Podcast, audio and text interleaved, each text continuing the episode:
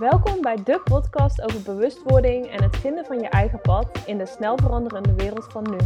Wij zijn Jindy en Lavinia en dit is Slow the F Down. Hoi allemaal en leuk dat je weer luistert naar een nieuwe aflevering van Slow the F Down. Uh, vandaag gaan we het hebben over hooggevoeligheid. Uh, maar in deze aflevering gaan we het meer hebben over uh, hoe het in je dagelijks leven, hoe je ermee omgaat en wat tips daarover. En hoe hooggevoelige personen een waardevolle bijdrage kunnen leveren in onze maatschappij.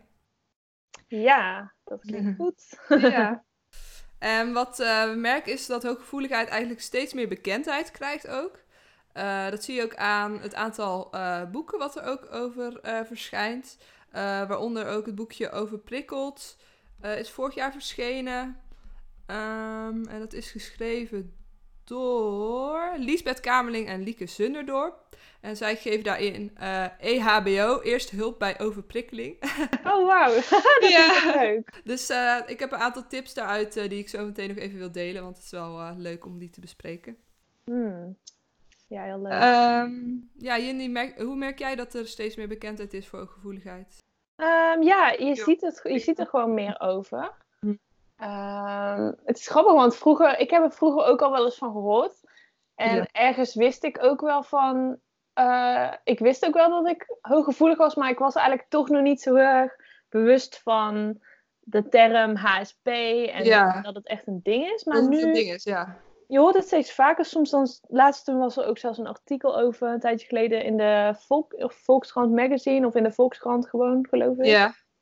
En dan denk ik, ja, dat is toch wel fijn dat het meer um, bekendheid krijgt. Maar ja. ik, ik, mis nog steeds wel een beetje de erkenning dat het echt iets is wat invloed heeft op je leven. En waardoor je ook gewoon moeite hebt met bepaalde dingen. Het, het um, ja. ja, kijk, ik wil op zich niet dat het gezien wordt als een storing. Want ik vind niet dat het een storing is, maar het, ja, het heeft soms wel gewoon invloed op je leven, waardoor je ja. Ja, bijvoorbeeld gewoon niet dezelfde dingen kunt als anderen. Ja, het kan je wel tegenhouden in bepaalde dingen, natuurlijk. Ja, precies. Dat je niet alles kan doen wat andere mensen ook doen. Ja. Maar denk je dan niet dat er tegenwoordig ook te veel labels uh, zijn? En dat mensen dat misschien te snel uit zichzelf geven? Uh, vind ik ook wel een lastige. Ja, dat is ook een lastige. ja, dat al die labels, zoals dus autisme, ADHD, ADD, uh, wat heb je nog meer, weet ik niet. Ja. En ik denk eigenlijk dat heel vaak die mensen ook uh, hooggevoelig zijn. Ja. Want dat, ja, daar komt het best wel vaak op neer. En in dat boek van, um, volgens mij is dat het boek van Leven met Hooggevoeligheid van Suzanne Maletta Hart. Ja. En ook in The Highly Sensitive Person van Elaine Aron. Dat zijn dan de boeken die ik erover heb gelezen. Zij zeggen allebei wel van dat het ook wel hooggevoeligheid verwacht wordt met al die andere labels. Ja. Dat heel vaak, of dat, dat iemand zo'n label krijgt, maar dat dat toen niet per se klopt en ze eigenlijk gewoon hooggevoelig zijn. Ja. ja. maar ik weet eigenlijk niet, maakt het, maakt het uit? Welk nou, wat ik dus, uh, dat had ik volgens mij ja, uh, met jou ook besproken, dat Bianca Toeps in haar boek, uh, maar je ziet er helemaal niet autistisch uit, dat zij het wel belangrijk vindt dat mensen die autisme hebben, dat ook wel zich toe willen eigenen, in plaats van dat ze zeggen, ja, maar ik ben gewoon hooggevoelig. Want dan wil niemand wil autistisch zijn, snap je? Dan wordt het nooit geaccepteerd. Ja. Dus ja, dat is natuurlijk ook wel lastig. Maar weet je of er ook echt een diagnose is voor hooggevoeligheid? Want volgens mij is er ook wel echt in je hersenen iets anders. Dat je andere ja. uh, uh, gebieden in je hersenen gebruikt. Ja, dat zei we, hadden we het vorige keer over, toch? Ja. Ja, dat klopt. Uh, maar ik, volgens mij is er geen diagnose.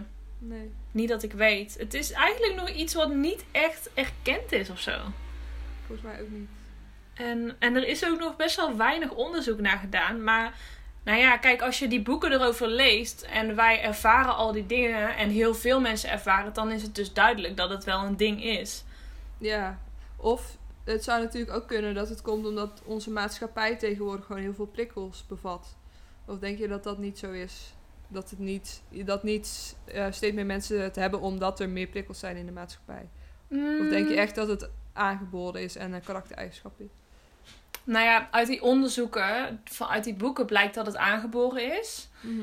En ook dat dus in, pa in uh, verschillende diersoorten het ook voorkomt dat een deel ja. uh, hoog of gevoeliger is dan de rest.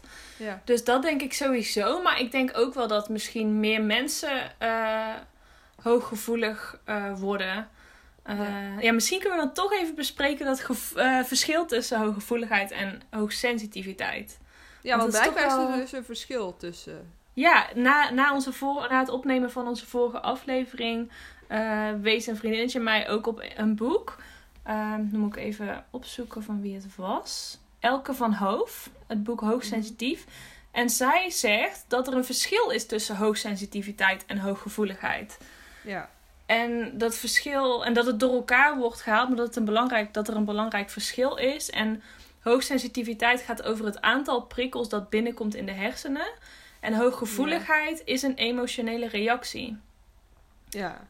Um, ja, hoogsensitieven kunnen dus overemotioneel reageren, maar het is geen bepalende factor voor uh, hoogsensitiviteit. Okay. Um, en dat er wellicht meer mensen hooggevoelig zijn dan hoogsensitief. Dus ja, ik, en, en dat het ook um, met uh, burn-out te maken kan hebben, dat je gevoeliger bent. Omdat je stress hebt, zeg maar. Ja, omdat je stress ja. hebt, overprikkeling door die verhoogde stress. Ja. Uh, maar niet noodzakelijk hoogsensitiviteit. Dus het kan inderdaad dat dus door wat jij net zei, doordat er steeds meer prikkels zijn, dat meer mensen hooggevoelig zijn omdat ze meer stress hebben.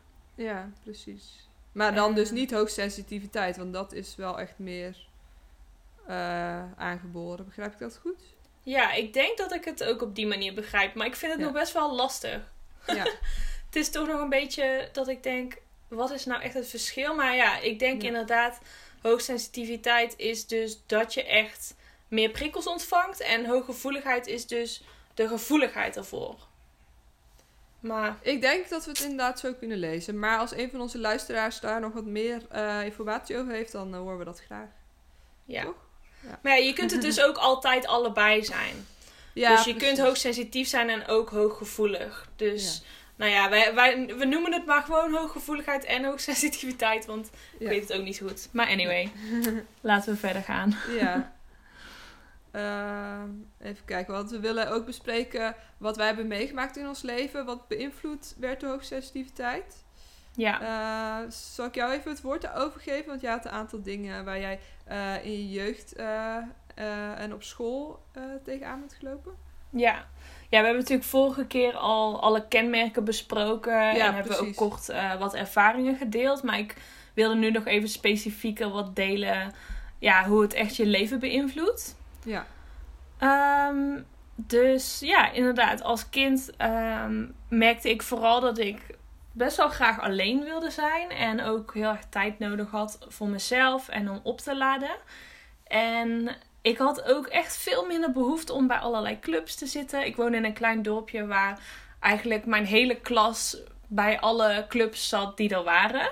Ja. En ik zat daar niet bij, want ik wilde dat gewoon niet. Nee, precies. Ja, en, ehm, en ook altijd met... ehm, je had dan een jeugdvakantieweek. Ja. Eh, Zo'n activiteitenweek. En ik dacht dan echt, ik wil dat gewoon niet. Al, al Nee, als kind dus al. Omdat ik gewoon veel liever mijn vrije tijd had. Ja. Ja, ik had het ook met de introductiekamp in de eerste klas. Toen gingen we ook ergens heen. Volgens mij was dat een week. Nou, ik Ja, vond het helemaal niet leuk. nee. En dan moest ik geforceerd vrienden gaan maken. Nou, dat lukte dus echt niet.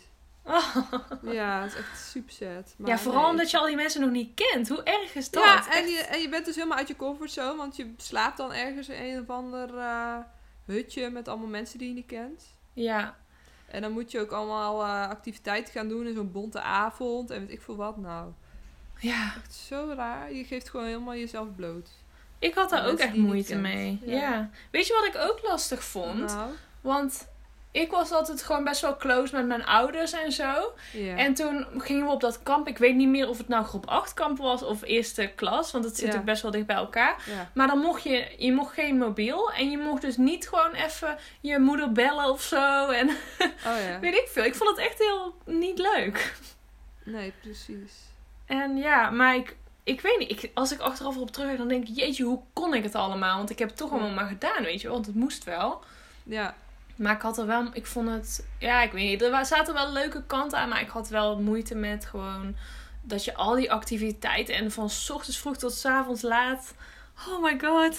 Ja, precies. ja. Maar Ja. ik had het ook, wat jij ook zegt, met inderdaad dat ze met clubs en al die dingen. Want ik ging dan ook op hockey. Maar dan had je inderdaad ook de hockeyclub Mhm. met eh, hockeyfeestjes. Oh en ja. sowieso al in een teamverband. Met Ja. allemaal mensen die helemaal niet jouw type mens zijn. Of Ja. misschien een paar enkelingen die er ook een beetje buiten vallen na. Maar dan, ja, dat, als dat gewoon niet bij je past, dan is het zo moeilijk om daar echt plezier in te hebben. Terwijl de sport zelf dan wel leuk is, maar alles eromheen niet. Ja, nee, inderdaad. Dat is best lastig. Ja. om die sociale dingen allemaal eh, te moeten doen. Ik, ik, had, ik zat dan ook op dansen. Ja. Eerst op, op, eh, op de basisschool zat ik al op jazzballet. En later ben ik ook nog op hip-hop gegaan. Ja. En dat vond ik echt leuk, want die meiden waren ook wel gewoon leuk en gezellig. En daar kon ik Ja. op zich wel goed mee optrekken.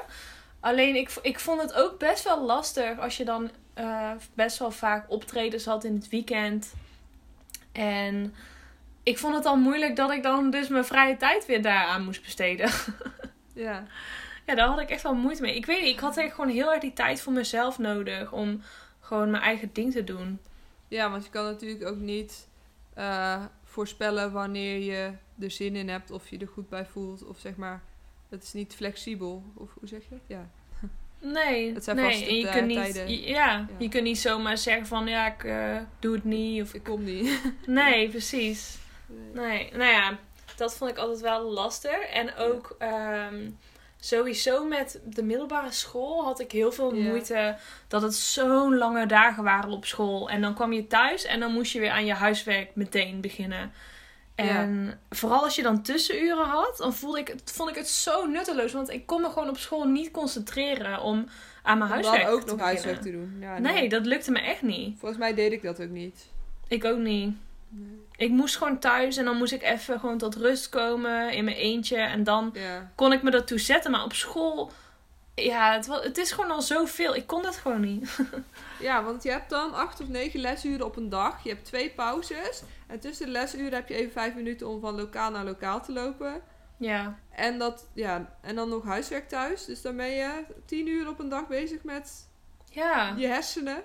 Ja. Soms heb je dan ook gym, maar oké. dat is Ja, soms. Maar dat is echt niet Eigenlijk is dat goed. heel veel, toch?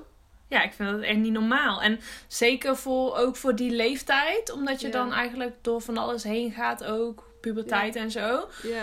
En dat er dan ook dat nog van je verwacht wordt. Nou, het verbaast me niet dat ook mensen op de middelbare school tegenwoordig burn-outs krijgen. Klopt, ja. Dat is inderdaad ook... eh, Ja.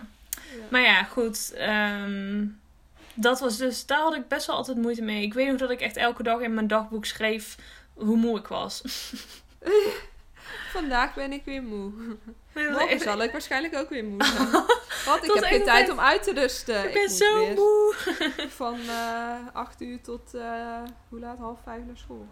Ja, echt sick toch? Eigenlijk echt sick. Ja. Ik vind het echt, dat is gewoon niet normaal. En ik had echt gewoon na de middagpauze, dan eh, kon je mij gewoon wel opvegen. Dan had ik, dan had ik gewoon nog geen concentratie meer. Ja. In de ochtend wel, maar ja, je kunt je ook helemaal niet zoveel uren achter elkaar Nee, concentreren. natuurlijk niet. dus ik vind dat ook Ik vreemd. Ik deed het altijd wel. Of soort van. Tenminste, ik ging niet clearen of zo, dat niet. Nou, Ik, ik, was altijd ja. wel. Ik ook niet heel erg, maar ik heb wel tijden gehad dat ik gewoon de hele middag op Tumblr zat op mijn telefoon.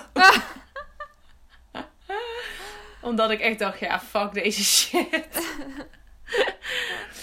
maar, ehm, ja. Oh, maar dat lijkt me in deze tijd ook erg. Inderdaad, met je mobiele telefoon. Dat je dan in de les zit en dat je dan allemaal appjes krijgt en daar helemaal door afgeleid raakt. Ja, ja, ik vraag me af hoe ze tijd nog niet echt, maar... Nee, dat viel nog wel mee, hè. Ik vraag me af hoe ze daar nu mee omgaan. Ja. Ja. ja en MSN naar school. Ha. MSN, ja. Als ik thuis kwam, dan ging ik direct achter mijn computer. En dan Ja, MSN en met al mijn vriendinnen tegelijk zo webcam ook. ja. Dat ik iedereen had ik daar dan gewoon zo. Dat is wel gezellig. ja, precies. En eh, tijdens je studie? Eh, Want dan, dan maak je het weer opnieuw mee, hè? Dan moet je ook weer doen alsof je uh, dezelfde dingen leuk vindt als alle andere mensen. Maar eigenlijk vind je het ook allemaal best wel vermoeiend en best wel veel prikkels. Want ik ging toen inderdaad in Utrecht uh, ging studeren. En mhm. dan was het dus ook een introductieweek. En dan kon je dus ervoor kiezen om dan bij iemand te logeren, zodat je niet op en neer hoefde te reizen. Nou, oh, denk maar niet dat ik dat ging doen hoor. Doei, ik ging wel op en neer reizen. Nou, toen heb ik één avond nog wel uh, gelogeerd, omdat we toen uh, gingen stappen. Dus ja, dan uh, wordt het wel een lastig verhaal. Maar dat vond ik mm. ook zo vreselijk. Toen werd ik ook gewoon helemaal ziekte van. Nou. Ja. Ja, ja, ja. nou ja, dus iedere avond ging ze ook naar het café. Maar oh. dan tot minder laat. Maar ik ging dan niet mee. Ik dacht, ik ga naar huis. Doei. Zo knap dat je dat al zo goed uh, gewoon voor jezelf kon beslissen toen. Ja, op zich wel. Maar ja, dan mis je dus wel. Want zij leren elkaar dan wel beter kennen. Omdat zij wat langer en wat in een ontspannende setting. Nou ja, voor hun dan ontspannend. Voor mij totaal niet. Uh, dat, ze zich, dat ze dan wel meer tijd met elkaar doorbrengen. Ja.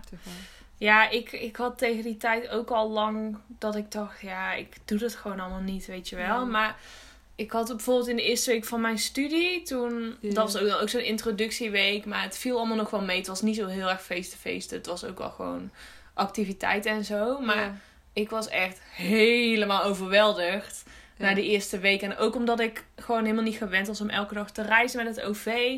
En ik, ik dacht echt dat ik het niet kon. Ik dacht, mm. ja, na de eerste week dacht ik echt, ik kan dit niet. Ik ben helemaal kapot. Ja. Uh, maar ja, ik ben er toch wel aan gewend geraakt, gelukkig.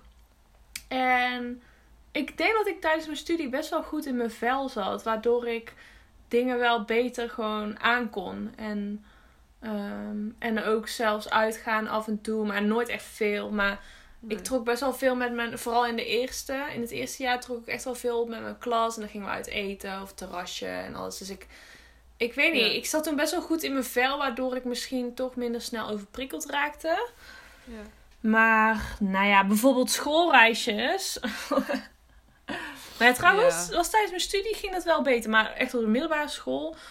En weet je wat ik het ergste vind met schoolreisjes? Dat je gewoon de hele dag achter een ander aan moet lopen. Op het tempo van diegene. En moet doen, moet eten wanneer het mag. En dit en dat. En de hele dag volhouden, vol met activiteiten. En oh. oh, dat was op onze Rome-reis ook. Uh, in de zesde klas gingen we naar Rome. En dan hmm. echt twintig kerken op een dag. En oh, ja. zo vermoeiend. Waarom moet dat ook? Weet ik veel. Kwantiteit boven kwaliteit, blijkbaar. Ja. In plaats van dat je gewoon de kerk bekijkt. Ja. Nee, ja, dat was wel leuk hoor, die Rome-reis. Maar... Ja, ja, ik ben naar Londen geweest in de vijfde dan. Dat vond ik ook, het was ook super leuk. Maar je maakte echt dagen van half tien tot half elf of zo. Ja. S'avonds. Want dan ging je ook nog naar een musical. Nou, nou. Oh. Nou, nou.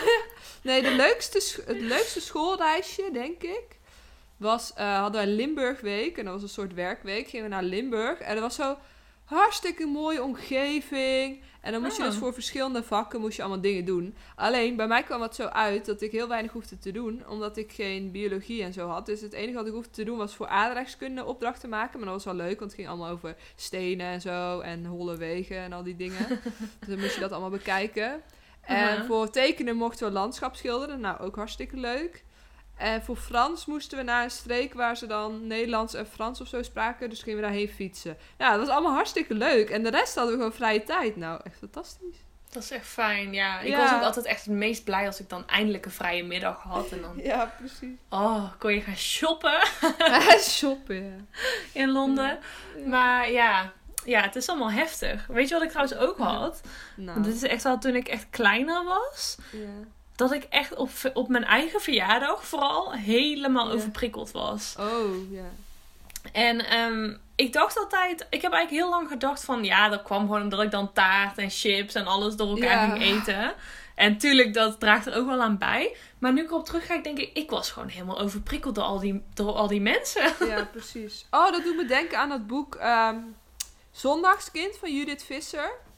Uh, ja. Dat gaat over een autistisch meisje. Maar die heeft dan ook uh, haar eigen verjaardag of van iemand anders. Ik weet het niet meer zeker. Maar is inderdaad ook zo overprikkeld dat ze gewoon moet overgeven over de tafel heen. En dan, oh, wordt ze daar ook helemaal weer uh, naar van, omdat dat dan is gebeurd, weet je wel. Dus dan kan ze, ah. dat soort dingen kan ze dan helemaal niet meer doen. Ja.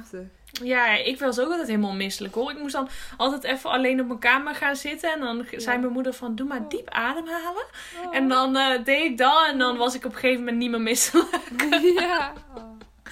ja. Maar ik hou er ook helemaal niet van om verjaardag te vieren. Maar ook zeker niet mijn eigen verjaardag. Nee. Want dan moet ik aan veel te veel dingen denken. Dan moet ik denken, oh, heeft iedereen wel genoeg drinken? Heeft iedereen wel genoeg eten? Vinden ze de taart wel lekker? Vinden ze de muziek wel leuk? Zitten ze wel lekker? Oh, is het niet saai? Heeft iedereen het wel naar zijn zin? Ja. Ja, I know. Ja, ik heb, uh, ja. Daar heb je zelf veel meer geen plezier aan terwijl het je eigen verjaardag is. Nee, dat is echt vaak zo, hè? Uh, ja, inderdaad. Nou ja, de laatste keer... Ik heb, mijn laatste verjaardag was heel leuk toen ik 25 werd. En het was echt heel gezellig, want ik had gewoon het eten... Uh, uh, gewoon op tafel gezet. Gewoon de hapjes en taart en dingen en drinken. Dus ik was gewoon zo van, pak het maar zelf. ja, succes ermee. Ik vond het wel handig. Ja, ja. dat is wel beter, ja. nou. En qua werk? Qua werk, ja. Um, ik heb daar altijd best wel moeite mee gehad. wat voor ehm, werk deed jij? Deed jij? Nou, ik, ik heb, zeg maar, tijdens de middelbare school heb ik helemaal geen bijbaantje gehad. Nee. En um, ik dat was te veel voor jou, denk ik, hè? Ja, ik kon dat niet. Doen. Ja, precies. Ik kon ik gewoon niet erbij hebben. Maar ik vond het best wel moeilijk. Want ja. ik had wel het gevoel dat ik daarop aangekeken werd. En dat mensen mij lui vonden. Of dacht dat ik verwend was of zo. Weet je wel? En mm dat heb ik altijd... Want ik wilde het eigenlijk wel ergens. Maar dat was meer omdat ik erbij wilde horen. Want mijn moeder zei dan van... Ja, je hoeft dat niet te doen. Want zij zag eigenlijk wel dat ik dat eigenlijk niet trok, zeg maar. Ja. Um, ja, dus, dat, dus toen heb ik nooit een baantje gehad. Maar ik heb na uh, de middelbare school een tussenjaar gehad. En toen heb ik in een kledingwinkel gewerkt. Ja. En dat ging eigenlijk best wel prima. Ja. Ik kon het wel gewoon. Ik werkte ook niet fulltime. Soms dan meer dan anders, zeg maar. Ja. Um, maar het zijn gewoon die dingen waar je gewoon gevoeliger voor bent. En, en waardoor je overkomt als een zeiker. Bijvoorbeeld dat je het gewoon vermoeiend vindt om mm. urenlang te staan. En dat je gewoon geen zin hebt. Of dat je gewoon niet een klant aan wil spreken waarvan je al ziet dat hij daar geen zin in heeft om aangesproken te worden. En dan moet je. Nee, en dan moet je per se een gesprekje gaan voeren. En oh, ja. Uh, ja. daar had ik wel moeite mee. En ik vond het ook best wel lastig om uh, dingen te verkopen die ik zelf eigenlijk helemaal niet leuk of mooi vond. Nee, precies. Ja, dat, maar dat is ook wel echt een hooggevoelig uh, ding. Van dat je dus zo gewetensvol bent dat je niet oneerlijke dingen wil doen. Ja, nee, dat doe ik ook niet hoor. Want ik werk nu dus ook in een boekhandel. Ja. En daarvoor heb ik heel lang bij uh, Albert Heijn ook gewerkt. Wat ik echt mhm. fantastisch vond, want mijn collega's waren echt leuk. En uh, eerst als vakkenvullen, nou ja, dat is prima, want dan ben je gewoon je ding aan het doen en af en toe vraagt de klant iets. Dus dat is best wel fijn. Mhm. Ehm, en daarna bij Brood en Daily, uh, Daily Kaas. Dat was ook wel leuk, want dan help je ook klanten. Maar eigenlijk ben je ook wel gewoon heel erg... Eigenlijk ben je de hele tijd gewoon bezig met uh, uh, dingen verpakken en zo. En dingen snijden. Ja. Maar nu in de boekwinkel, ja, ik vind het wel fijn. Want het is best wel afgebakend werk. En je helpt mensen wel. En omdat ik dus best wel een oog heb voor detail... weet ik uh, boeken en tijdschriften wel makkelijk te vinden. Mm Alleen inderdaad, het zijn lange dagen waarbij je eigenlijk vooral aan het staan bent. En als het rustig is, ja, op een gegeven moment is het werk ook wel weer af. Mhm. En er zijn heel veel klanten super ongevoelig. Ja. Echt, dat je denkt, wow. En ik uh, heb ook een aantal keer die klanten gewoon op aangesproken en dan uh, worden ze echt boos op je. Ja, dat is heel vervelend, maar er wordt echt boos op je. Want als jij hun aanspreekt op hun gedrag, of als je een kind aanspreekt op hun gedrag, dat moet je niet doen, dat heb ik gemerkt. nou, dan kan, je, dan kan je het krijgen hoor. Want zij zijn echt koning en jij bent een slaaf en jij moet maar niet uh, doen alsof jij ook een mens bent. Want nee, het is echt heel heftig soms hoor. Maar wat, wat doen mensen dan tegen jou? Uh, nou, dan vragen ze... Kijk, wij hebben een uh, PostNL-punt ook. En ze willen dan een brief posten. En dan zeg ik waar die brievenbus staat. Dus dan noem ik de straatnaam. Oh ja. En dan zegt dus een klant van... Hé, je denkt dat ik weet waar dat is. Maar ja, mijn tweede stap is natuurlijk om uit te leggen waar die brievenbus dan staat. Maar zover kom ik niet eens. Want zij, ja, ik weet niet. Dat zijn gewoon mensen die dan heel gestrest zijn of zo. Maar ja, het is heel vreemd hoe zij dan met jou omgaan. En Geen als je ook gevoelig, als je ook, ja precies, als je ook gevoelig bent, dan uh, kan je daar heel slecht tegen. En dat blijft dan ook best wel in je hoofd hangen. En dat je ook een beetje jezelf bij jezelf betrekt van, hmm, ligt het al aan mij? Of ja. meestal ligt het niet aan jezelf, meestal ligt het gewoon echt aan, uh, Nee, Want je hebt echt twee soorten klanten hoor. Ook Ja. als mensen dan bellend binnenkomen. Ah, Je hebt de ene type klant die blijft gewoon bellen en die vindt dat jij gewoon maar een pakje sigaretten moet geven en zij geven dat geld en dan is de transactie klaar. oh, dat is Eh, zo onbeleefd. Ja, ik vind het ook heel onbeleefd. Ja, of klanten die dan aan de kassa staan, die worden gebeld. Zeggen ze, oh sorry, ik moet even opnemen. En daarna dus gaan uitleggen van, ja, sorry, nee, het was echt eh, nodig, want we bellen al heel de dag eh, langs elkaar heen. Dus ja, sorry, sorry. Nou ja, Ja. kijk, het maakt niet uit hoe wat je doet, maar als je, hoe je ermee omgaat, dat maakt wel uit. Ja, ik vind dat ook zo aso als mensen gewoon aan de Ja. telefoon en dan niet eens communiceren met degene die achter de kassa staat. Nee. Ja, nou, ik, ik had ook een Ja. keer toen ik dus in die kledingwinkel werkte. Ja, Ehm, nou ja, ik moest er altijd dus op die mensen afstappen en een gesprek eh, aanknopen, want dat moest. ja. dus ik naar zo'n vrouw toe en die vrouw die werd helemaal boos op mij. ja. Zo van, ik weet niet eens meer wat ze zei, maar ze was echt super gewoon onaardig. En ik ben Ja. daarna echt naar het magazijn gevlucht om even te huilen. Of te huilen, ja. Oh. Want ik was echt zo geschokt door, door dat ze gewoon echt fucking gemeen deed. En Ja. boos werd op mij, terwijl ik alleen maar deed wat ik moest doen, weet je wel. Ja, precies. Terwijl ik ook wel weet dat dat niet fijn is, want ik hou er zelf ook niet van om aangesproken te worden. Maar ik moest al. Ja, Dus ik voelde, voelde, voelde zo onrechtvaardig. ja, Ja, struggles. Ehm, zeker. en hoe heb jij werk ervaren op een kantoor? Eh, heftig. Omdat er heel veel verschillende dingen aan de hand zijn. En voor sommige taken heb je gewoon echt concentratie nodig. Maar dan raak je toch Mhm. afgeleid omdat er mensen om je heen überhaupt al zitten. En soms ook met elkaar praten. Of, nou, wij zaten dan eh, met z'n vijf op kantoor. Of soms Mhm. met z'n vier, dus dat is heel weinig. Maar eh, ja, dat vond ik wel lastig. Ja, en ook, ja, ik, ik heb dus ook een tijdje op een kantoor gewerkt tijdens mijn stage Ja. in Londen. En dat was ook de hele dag achter de computer. En nou ja, ik, ik kreeg daar best wel last van. Gewoon hoofdpijn van de hele dag achter dat Ja. scherm. En na een Ja. paar uur, zeg maar de laatste paar uur, kon ik me ook gewoon niet meer concentreren. Nee. En eh, ook gewoon dat de hele dag binnen zit op zo'n kantoor. Pff, ik vond dat echt helemaal niet fijn. Nee, precies. Het is echt een beetje de tijd doorkomen, zeg maar. Ja, maar je moet dus inderdaad je dag vol maken. Maar met wat maak je je dag vol? Want sommige taken zijn dan gewoon niet op dat moment. Heb je daar gewoon geen zin in? Of dat de omstandigheden zijn er gewoon niet naar. Ja, Eh, maar dan moet het misschien toch af. Dus dan ga je eigenlijk tegen je zin en tegen je concentratie dat toch afmaken. Of er zijn dingen die je laat liggen, zeg maar. ja. Dus dat is wel lastig. Ja, ik vond het ook. ja, ik had wel geluk. Het was best wel rustig daar, dus dat was wel fijn. Iedereen was best wel Mhm. stil. Ja, Ehm, maar toch ehm, vond ik het wel lang, die dagen zo. Ja. En ehm, ja lang ja. inderdaad ook. Ik ging ook altijd wel vroeg naar huis. en ik kwam ook laat. Maar dat was in principe niet erg. Wij mochten onze tijd op zich wel indelen. Maar... ja. ja, ik moest daar gewoon van half tien tot half zes zitten. Oh, ja. Nou ja, het was wel te doen, maar ik was na vier, ik heb dat dus vier maanden gedaan. Mhm. Toen was ik wel ook gewoon best wel, ehm, ja, gesloopt, zeg maar. Ja, ja precies. Ja, Want, dus daar eh, ja, daar ben ik gewoon niet geschikt voor, eigenlijk. Ja, maar wat voor werk is voor HSP'ers wel geschikt, eh, denk jij? Ehm, ja, ik denk dat het van alles kan zijn. Ja. Ehm, maar ik denk dat het gewoon dat er, met- als er kleine aanpassingen gemaakt worden, dat het al heel veel scheelt.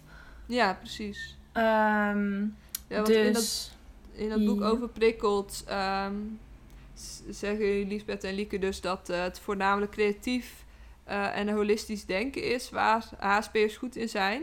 mhm. En daarom kunnen ze in het werkleven met echt vernieuwende ideeën komen. Ja. Maar er moet er wel een veilige setting zijn waarin dat kan. Ja, En dat was bij mij dus bij mijn stage en bij mijn eh, werk was dat er niet.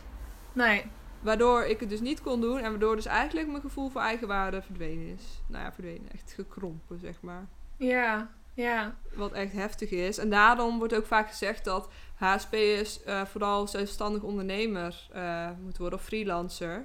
ja. Omdat ze dan heel erg hun eigen tijd kunnen indelen en hun eigen opdracht kunnen aannemen en hun eigen ideeën kunnen eh, inzetten. Ja, precies. Maar dat, dat is ook echt het fi- de fijnste manier. En ik denk dat Ja. heel veel hooggevoeligen dat ook zullen beamen. Maar Ja. eigenlijk is het ook jammer dat ze juist dat ze in het gewone werkleven er niet in passen. In loondienst, ja, precies. Want waarom kunnen er niet. ehm, nou ja, eigenlijk komen we dan gewoon weer erbij terug dat iedereen in hetzelfde hokje geplaatst moet worden. Ja, En het zou gewoon fijn zijn als er gewoon mogelijkheden waren dat HSP's wel gewoon mee kunnen. En ja. ja, ja gewoon bijvoorbeeld, ehm, nou ja, dat heb ik hier ook eh, opgeschreven van wat, wat fijner zou zijn, is dat je niet per se 40 uur per week hoeft te werken om genoeg te kunnen verdienen. En ja. eh, zelf mogen bepalen wanneer je werkt, meer mogelijkheden om verschillende dingen te kunnen doen, dus afwisseling. Mhm. Afwisseling Ehm, heel belangrijk, ja. Ja, en ook ehm, dat er sowieso rust gestimuleerd wordt. Ik denk dat dat voor iedereen wel eh, goed ja. zou zijn. Ja, maar je merkt ook dat steeds meer mensen ook een thuiswerkdag doen. Mhm. Standaard één dag in de week.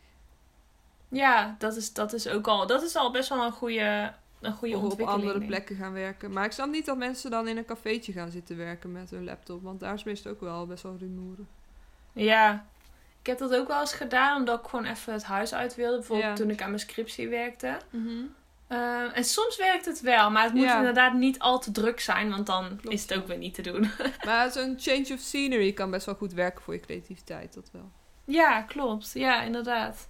Ehm, ja, ik, is, misschien kan ik er nu op doorgaan, want wat HSP's kunnen bijdragen aan de maatschappij.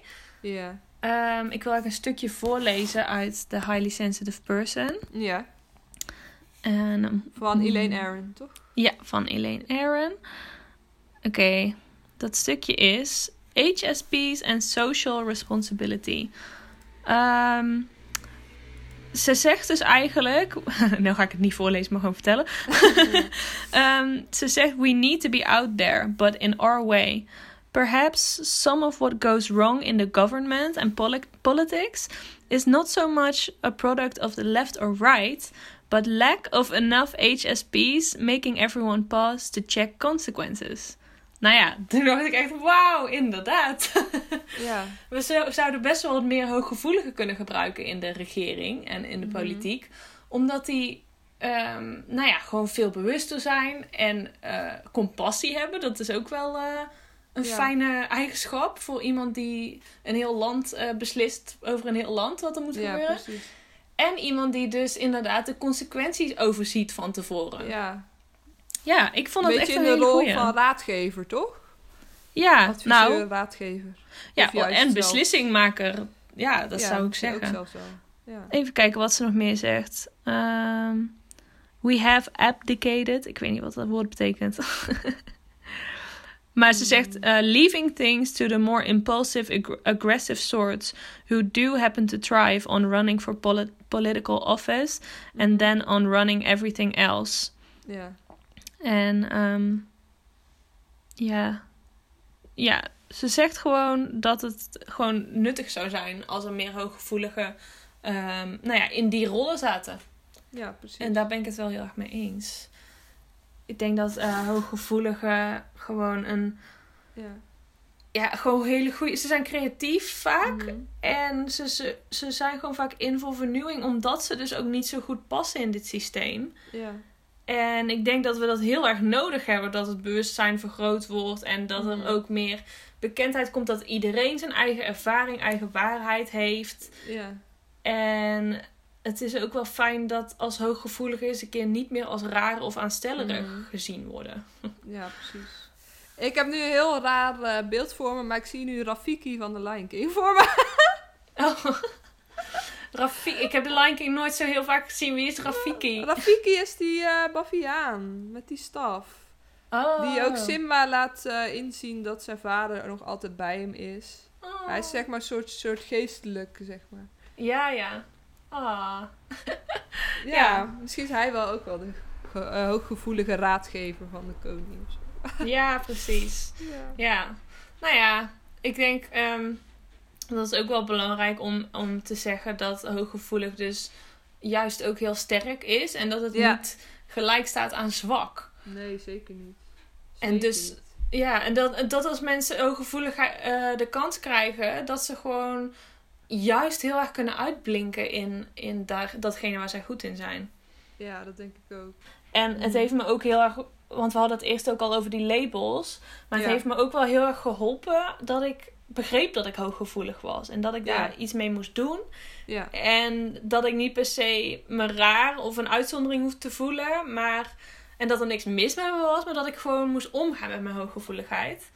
Ja. Ehm, en ja, dat heb ik steeds meer geleerd. En wat ik nu echt... Een, een van de belangrijkste dingen is voor mij om weinig te plannen. En dus gewoon best wel een rustig leven te leiden. Maar één ding Mhm. op een dag te plannen. En als ik Mhm. drukke dagen heb, dat ik daarna weer een dag of meerdere Dag dagen heb om uit te ja. rusten. Ja, Ja, ja. precies. dat is echt... Dat eh, is gewoon super belangrijk voor mij. Mhm. En wat ik daarnaast doe is inderdaad ook niet te lang afspreken met mensen. Dus Ja. niet een hele dag met mensen. Nee. Er zijn alleen maar bepaalde mensen waar ik dat mee kan. Bijvoorbeeld, ja, ik, le- ik woon samen met mijn moeder en ik kan heel goed met haar optrekken. Dus van haar, daar heb ik gewoon geen probleem mee. Mhm. Maar met sommige mensen, dan heb ik na een paar uur heb ik het wel gehad. Ja, precies.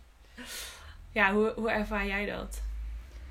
Ja, inderdaad, dat rust nemen, dat is wel echt eh, belangrijk inderdaad. Dat heb ik nu ook met werk, dat ik gewoon niet te veel werk en dat ik het ook fijn vind als ik de dag daarna inderdaad vrij heb. En sowieso vrijdag is Mhm. eh, dan mijn va- vaste vrije dag. Dus eh, Ja. dat is voor mij ook heel belangrijk. En inderdaad maar één ding op een dag plannen, dat is wel echt max. Of, ja, of twee dingen, twee halve dingen zeg maar op een dag. Kleine dingen. Ja, Ja, kleine dingen. ja, Maar echt precies. niet te veel. En zeker afspreken met mensen, dat kan ik ook niet zo heel goed meer als het heel lang is. Mhm. Want dan ga ik nadenken van ja, straks word ik daar zo moe van. En dan, ja, dan moet ik hun ook entertainen, terwijl ik misschien zelf heel moe ben. Weet je nog die ene dag dat ik naar jou toe was gekomen en ja, dat weet ik nog. dat ik eigenlijk zou blijven slapen en dat Ja. ik toen op een gegeven moment zei, oh ik ben zo moe, ik moet echt Ja. naar huis. Ik was toen ook heel moe. Het Ja. was niet echt onze beste dag. Maar het was ook intens. Ik weet niet, ja, ik had natuurlijk ook al met het OV gereisd. Ja, maar we waren ook, ik denk dat we gewoon ook best wel intens aan het praten waren en daar kun je gewoon ook heel moe van worden. ja, Maar toen dat ik echt dacht, jeetje, ik moet gewoon naar huis. ja. Maar ook met shoppen, hè, want shoppen deden we vroeger ook altijd. Dus we gingen Mhm. winkelen. Mhm. Maar nu, nu kan ik dat ook niet. eh, Nee. nee. Nee, ik doe dat soms nog wel in mijn eentje, maar met iemand erbij, nou, nee. Ja, in je eentje scheelt dat, hè? Ja, dan kan je gewoon zelf bepalen waar je heen wilt. hè. Ja. Ja, ik heb dat ook. In mijn eentje dan word ik daar veel minder moe van. Ook bijvoorbeeld toen Ja. ik in Londen woonde. Ik denk dat ik Ja. dat ook aankon doordat ik gewoon best wel vaak alleen dingen deed. En dan hou je gewoon zeg maar gewoon je bescherming om je heen. En dan sluit je je gewoon af. En dan volg je je eigen tempo. Terwijl als je met iemand anders bent, moet je de hele tijd op die ander letten of die nog er wel is. Of je hem niet kwijt bent en wat Ja. die wil. En erop wachten. En zij op jou Ja. wachten. En dat is gewoon echt super vermoeiend. ja, maar bij sommige mensen zit je wel in het juiste ritme. Tenminste, toen wij Ja. naar Londen gingen samen. Ja, dat was wel chill. Toen eh, zaten we op hetzelfde ritme.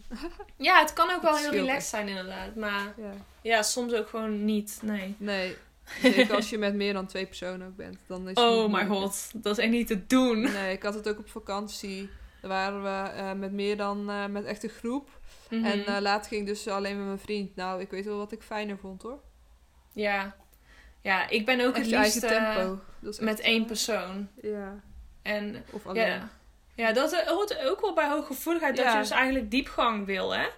één op één het liefst. Ja, dat je gewoon liever ook eh diepere band hebt met minder mensen Ja. dan oppervlakkige band met veel Ja, daar mensen. herken ik me echt wel heel erg in. Ja, ik ook.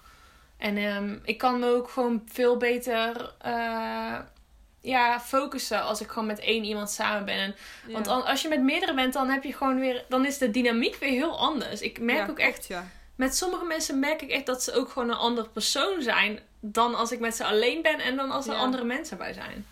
ja, grappig is dat hè. Ja, dat is echt gek. Maar... Daarom zijn verjaardagen altijd zo stom. Ja, want het is eigenlijk helemaal niet leuk om al die mensen tegelijk te hebben vaak. Nee, precies. en dan gaan ze weg en dan, oh, ik heb je eigenlijk helemaal niet gesproken. Ja, Ja, inderdaad. eh, Oké. Doei. Ja, Stom is dat, hè? Ja, nee, dat is niet leuk. Ik vind dat ook stom. Maar, even de- ja. terug naar de tips, ja. Tips Ehm, voor het dagelijks leven. Ik had er ook nog een paar. Of wilde jij nog wat zeggen? ehm, ja, de- misschien is wel echt een van de belangrijkste. En Ja. dat is wat ik wel echt heb geleerd, is aarden Ja. en beschermen. En dat zijn dan Ja. oefeningen die ik doe. En die doe ik eigenlijk elke ochtend. En Ja. aarde doe ik door ehm, eh, te visualiseren dat er ehm, vanuit mijn voeten en vanuit mijn uh, stuitje, zeg maar. Of je, je uh, wortelchakra. Ja. Wortelchakra, noemen ze dat Wortelchakra. Root chakra. Je eerste chakra, zeg maar, die zit bij je stuitje. Dat je vanuit daar wortels visualiseert die helemaal in de, net als een boom, oh, in de aarde groeien. Mm En ja, je moet je dat gewoon helemaal voorstellen en ook voelen alsof je ze gewoon de aarde in, als ze erin gaan. En dat je echt gewoon vastwortelt. En dat je gewoon die stevigheid voelt van de aarde onder je. En ik visualiseer ook dat ze gewoon helemaal naar de kern van de aarde gaan. En zich daar uh, zeg maar vast ankeren. Oh, ja. Dus dat je, ja, dat is echt gewoon om stevig, stabieler uh, in je lichaam te zijn eigenlijk. Ja. Uh, maar je kunt ook aarden door, door andere dingen, bijvoorbeeld door in de natuur te zijn, op de grond te liggen, mm. lichamelijke activiteiten, beweging, sport, aanraking en in het nu zijn en je zintuigen gebruiken, dat is ook allemaal adend. Ja. En wat ik dan ook nog doe is een beschermoefening en dan ehm, visualiseer ik mezelf in een uh, soort kokon of een bol van licht. Mhm. En dan visualiseer ik en dan zeg ik er gewoon bij van dat hij mijn energie beschermt. En dat energie van andere mensen er buiten blijft en ervan afkaatst. Oh ja, dat is ook wel een goede. Uh, ja, dat, werkt, dat heb ik ook heel erg nodig. Dat, en dat werkt wel heel goed, gelukkig. Mm. Dus ja, dat zijn dingen die ik echt wel dagelijks doe om uh, ja, mezelf te helpen, zeg maar. Ja. Ja, het is wel grappig dat je inderdaad het aarde ook benoemt. Want in dat uh, boekje uh, Overprikkeld Eerste Hulp bij Hoogsensitiviteit... noemen ze inderdaad bij de tips noemen ze ook aarde. Mm -hmm. En wat zij dus zeggen is... door bewustwording, aanvaarding en aanpassing... kun je hoogsensitiviteit als een kwaliteit ervaren... Ja. Dus, uh, en wat, de aanpassingen die uh, zijn dus de dingen waar je eigenlijk een beetje op moet letten. En waar je gewoon een beetje gaandeweg moet snappen van hoe het werkt. En daarbij is dus naar je lichaam luisteren heel belangrijk. En wat je ook mhm. zegt, je grenzen bewaken is heel belangrijk. Ja. Het trainen van je denken. Want dat doe je eigenlijk niet echt totdat je echt bedenkt van... oké, ik moet dit gaan doen. Dus mindfulness, meditatie, ja. dat soort dingen. Want eigenlijk denk je, nou, is dat nou echt nodig? Totdat je er echt werk van gaat maken. Ja, totdat je bewust wordt van wat je allemaal dan niet denkt de hele dag. Inderdaad, ja. En daar wat meer controle en uh, wat meer reflectie over hebt. Zeker, ja. Je intuïtie volgen is ook heel belangrijk. Zeker omdat je hoogsensitief bent. Ja. Mm -hmm. niet alles op jezelf betrekken. Bijvoorbeeld als iemand uh, iets doet of zegt tegen je. En dat is denk ik ook wat jij zegt met die beschermingsoefening. Dat helpt daar volgens mij wel goed tegen. Dat je ehm. gewoon een soort... Uh, ja, ik denk het ook wel. Afstand. Ja, dat gaat meer ook wel echt dat je anderen hun gevoel niet overneemt. Ja, want dat doe je ook als je hoogsensitief bent, hè? Ja, ja dat, is, dat is voor mij die bescherming heel erg. Dat ik bij mijn eigen energie blijf. Mhm. En ik mag wel, weet je, kijk, ik kan er wel alsnog voelen wat iemand anders. Maar dat ik het niet van ze overneem en dat het mij mee gaat dragen. Ja, precies. Dat, is wel belangrijk. Ja. Hmm, en verder? Ja, mild voor jezelf zijn. Nou ja, dat is denk ik ook wel. Uh, ja, best moeilijk. Ja, ook voor je lichaam zelf. Ja. Voor je huid, voor al je ledematen. Ja, ja, ik vind dat echt nog best wel moeilijk, want ik ben best wel snel gefrustreerd als iets niet lukt. Ja, precies. en dan, ja, dat, dat heb ik echt zo moeten leren om niet boos te worden op mezelf als iets nog niet mhm. gaat. Of mhm. als het voor mijn gevoel te langzaam gaat. Of ja, ja dat inderdaad lief zijn voor jezelf en gewoon acceptatie. dat sommige dingen, dat je je aan moet passen, want het is best wel frustrerend. Ja. Dat je gewoon niet hetzelfde kan als iedereen soms. Ja, klopt. Ja. Ja, wat ze ook zeggen is je eigen ontspanning hoog op je prioriteitenlijst zetten. Nou, daar hadden we het ook al over. Over uh, zorgen dat je genoeg rust neemt en uh, een dag vrij neemt na een uh, inspannende activiteit. Ja. En dus ook dingen als bijvoorbeeld uh, lekker op de bank liggen met een dekentje en een kopje thee. Een beetje van die rituelen, zeg maar. Uh, Self-care. Of een, bad, of een bad nemen, als ik een bad had. Zou ik, oh, ik wil zo graag een bad. Je wil niet weten hoe graag ik een bad en een tuin wil. Ja, precies. dat heb ik echt nodig. Oh. Ja, dat is ook echt fijn. Ja. Uh, wat ze ook zeggen, je mag terugkomen op een vraag en nee is ook een antwoord. Dus met interacties met andere mensen. Ja, heel goede tips. Echt hele fijne tips. Ja. Ja, super. Echt. En um, ze, volgens mij hebben ze niet echt gezegd. Maar een belangrijk is natuurlijk ook dat je bewust bent in prikkels beperken. Die had ik ja, volgens zelf. mij hebben ze dat in een boekje wel, maar dat heb ik nu niet. Ja, dat zal wel. Dat moet wel als Ja, het over overprikkeld gaat. Ja, ja. Maar wat ik, wat ik zelf dus bewust doe om mijn prikkels te beperken is... Uh. eh, s s'avonds laat geen tv meer kijken. Oh ja, dat is een goeie, ja. En ik neem mijn telefoon niet meer mee naar bed. Oh, dat is ook Dat- wel goed. deed ik eerst wel altijd. Ja. Nu laat ik hem altijd beneden liggen. Zet ik hem op Mhm. vliegtuigstand, laat ik hem beneden liggen. Oh, wat goed. Ja, dat is echt heel fijn. Dat scheelt echt. Dan eh, slaap ik ook sneller. Ben ik, ja, ik, ik, dus ik kijk geen tv meer en ik mediteer Mhm. nog voor ik ga slapen. En dan Oh ja. val ik meestal redelijk snel in slaap. Ben ik gewoon rustig. Ehm, dus ja, en ik probeer ook... Soms dan merk ik gewoon dat ik al te veel in me heb opgenomen. Ja. Eh, zelfs met lezen. En, maar ja, ik kijk ook video's en ik doe van Ja. alles. En dan soms dan merk ik dat ik gewoon niet eens meer me kan concentreren op een boek of zo. Ja, En dan weet ik gewoon, oké, het is genoeg. En dan het is genoeg, ja. ga ik gewoon bijvoorbeeld iets, juist iets creatiefs doen, waardoor ik juist eh, iets uit. eruit doe. Ja, precies. Ja. Ja. Oh, dat is ook wel een goede tip, inderdaad. Ja. Ja, en hoe, als je, hoe denk je dat we in... Oh, wilde jij nog iets zeggen? Sorry. Ja, en misschien nog even op aanvullen. Dus als je Ja. overprikkeld bent, dan is, het- kan het heel fijn zijn om juist het te uiten. Ja, Dus iets te. Bijvoorbeeld als ik in mijn dagboek ga schrijven, dan scheelt mij dat heel veel. Dan kom ik echt een beetje tot rust. Dan laat ik alles eruit. Mhm. En ook gewoon ja, schilderen of tekenen of, Ja. ehm, ehm, of dansen of zo. Gewoon even Ja. iets anders. Oh ja, dat is ook wel goeie, inderdaad. Dan word je echt, ja, dat, dat helpt wel. Dat vind ik dat het heel goed helpt. En inderdaad, een bad nemen. Oh mijn god, een bad nemen. Dat is echt geweldig. ik wou dat ik een Ja. bad had. ja, precies. Maar goed. Maar Ga wat verder. ik dus wilde vragen aan jou. Hoe denk je dat we in onze maatschappij... eh, hoe we onze maatschappij een beetje meer HSP-vriendelijk kunnen maken? Dus ook een beetje prikkelarme ja, omgevingen kunnen creëren. Heb jij daar ideeën over? Ehm, ja. Ik vind, nou, weet je wat het is? Vroeger was het ook minder. Ja. Ehm, eh, bijvoorbeeld in winkels, vooral in winkels. Ik denk dat er in cafés was er waarschijnlijk wel al muziek. ja. Maar in winkels was er volgens mij vroeger helemaal geen muziek. Nee, maar nu nee. wel, altijd. En ook in de supermarkt. Ja. En hij staat ook nog best wel hard. Mhm. En is zeker in, in, nou ja, weet je, winkels als Topshop en Urban Outfitters. Ja. Daar hebben ze gewoon een DJ staan. ja, echt. en soms dan vind ik het ook wel leuk. Want in, in Urban Outfitters dan, dan draaien ze hip-hop. En dat vind ik gewoon wel chill op zich. Mhm. Maar ehm, het kan ook heel overweldigend zijn. Gewoon die harde muziek. En dat komt maar binnen. Klopt, En vooral in de supermarkt vind ik het soms vervelend. Omdat ik me dan moet concentreren op wat ik nodig heb. En ja. Dat Kan je bijna niet meer nadenken. Nee, dan kan ik Ja. gewoon niet nadenken. Nee. Ja. En weet je wat ik ook vind? Ja. En volgens mij zei je dat ook in de vorige aflevering, inderdaad in de bios. Maar ook met, met concerten en festivals en, en, en alles. Ik heb gewoon het idee dat de muziek alleen maar harder en harder en harder is geworden. Ja? Ja. En waarom moet dat? Ja, dat weet ik niet. Want eh, in de in de supermarkt, eh in Albert Heijn in eh Sint-Michels-Gestel... hebben ze dus Mhm. bedacht dat ze 's ochtends een prikkelvrij uurtje inlassen.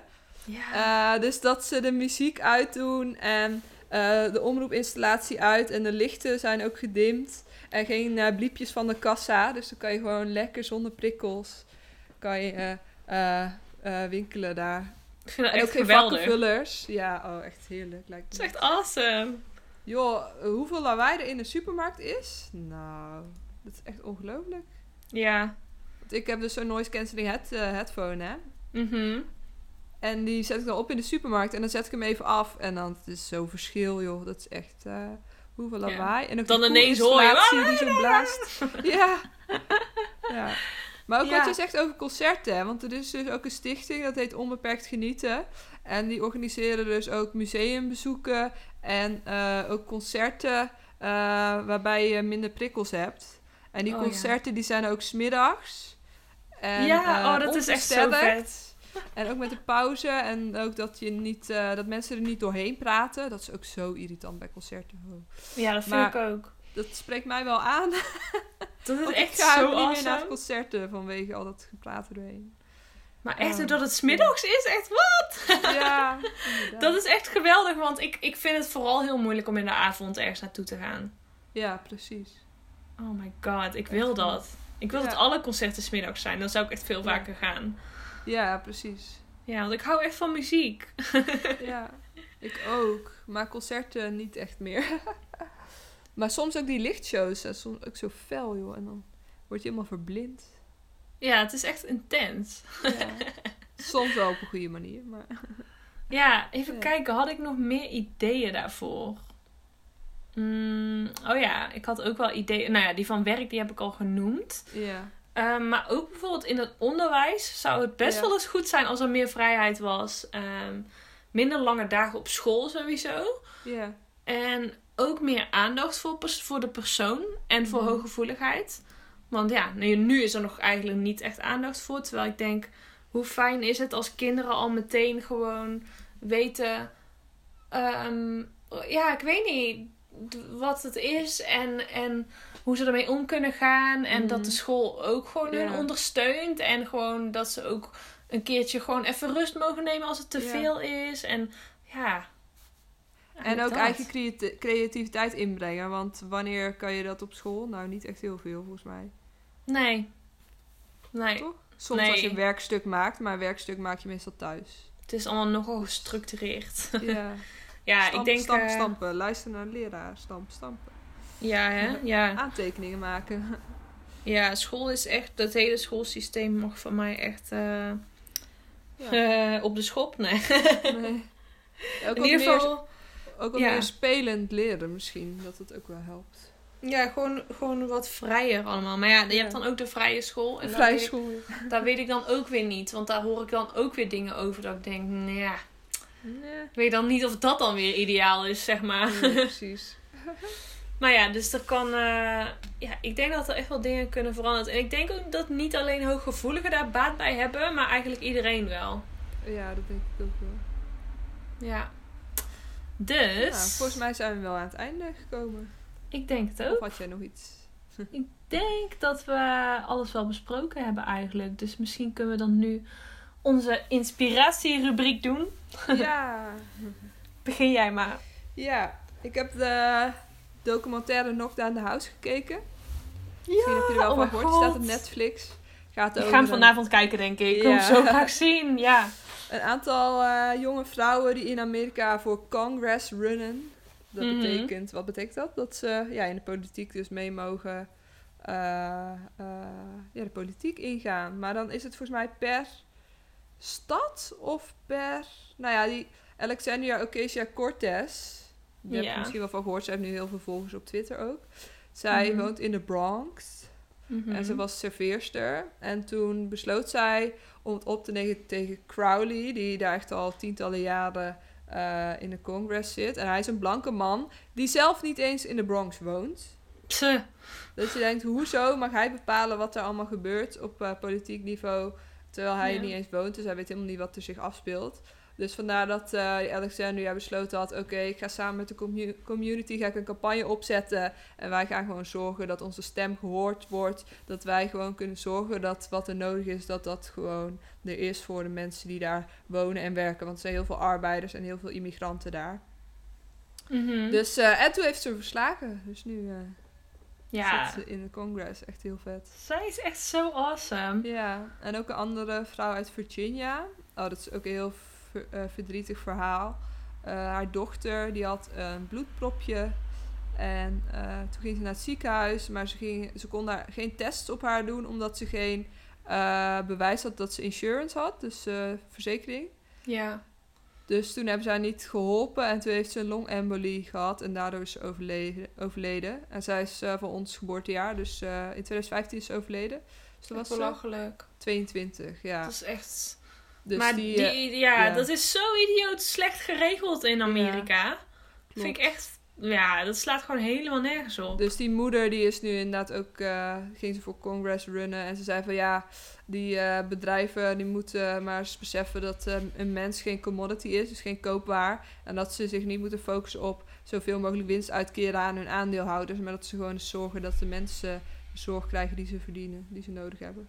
ja, Want er zijn supergoed. 30.000 gezinnen in Amerika die hetzelfde overkomt als haar. Dus Ja. echt heftig.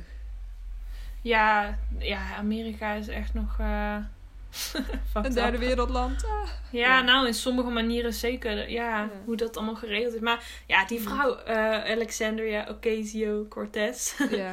Zij is echt cool. Hebben we, nou, hebben ook al eerder daarover gehad? Over haar, uh, ja, die uh, speeches en zo die ze deed in de... Of jij niet een speech. wel benoemd, ja. ja. Ja, oh, ze is zo cool dat ze dat gewoon helemaal zegt van ja, er, is, er zitten niet, niet eens regels aan uh, president zijn en president mag mhm. gewoon alles doen en uh, wat slecht is en er zijn gewoon helemaal geen consequenties voor en ja, ja zij is echt badass. Ik vind haar echt geweldig.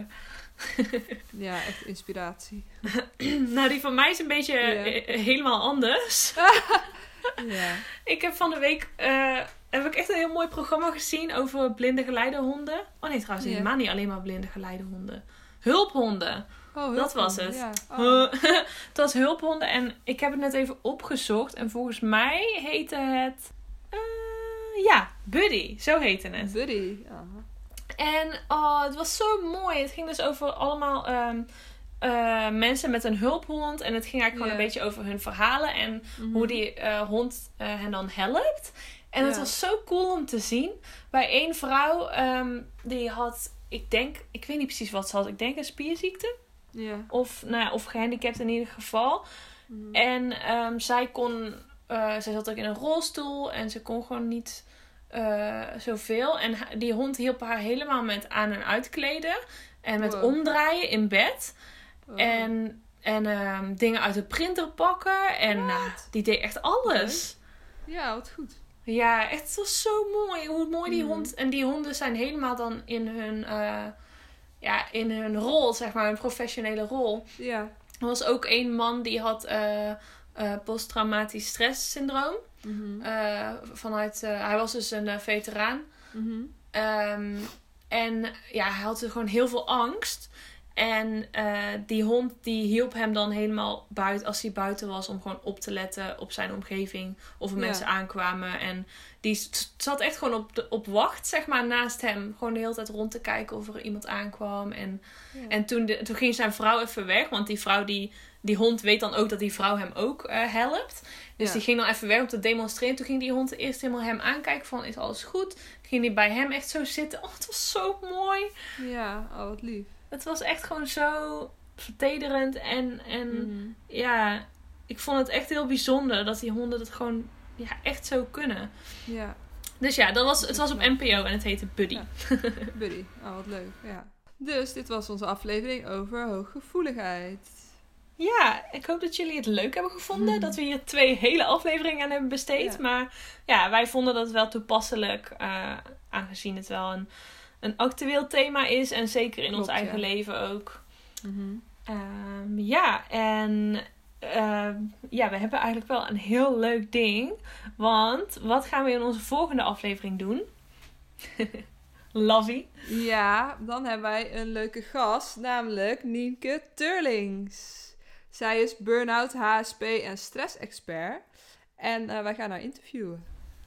Ja, ik ben echt super excited. Toen we het vroeger had ik echt, en ze zei dat ze het leuk zou vinden, waren we allebei echt helemaal van wauw, jee. We hebben onze eerste echte gast. En ze sluit super goed aan bij onze podcast. Dus ja, ik ben echt, ik vind het echt heel erg leuk. ja, nou dat was het dan denk ik. Hè. Volg onze Instagram. En als je zin hebt, typ dan eens een leuke review over onze podcast op Apple Podcast. En ja, tot de volgende keer dan. Tot de volgende keer.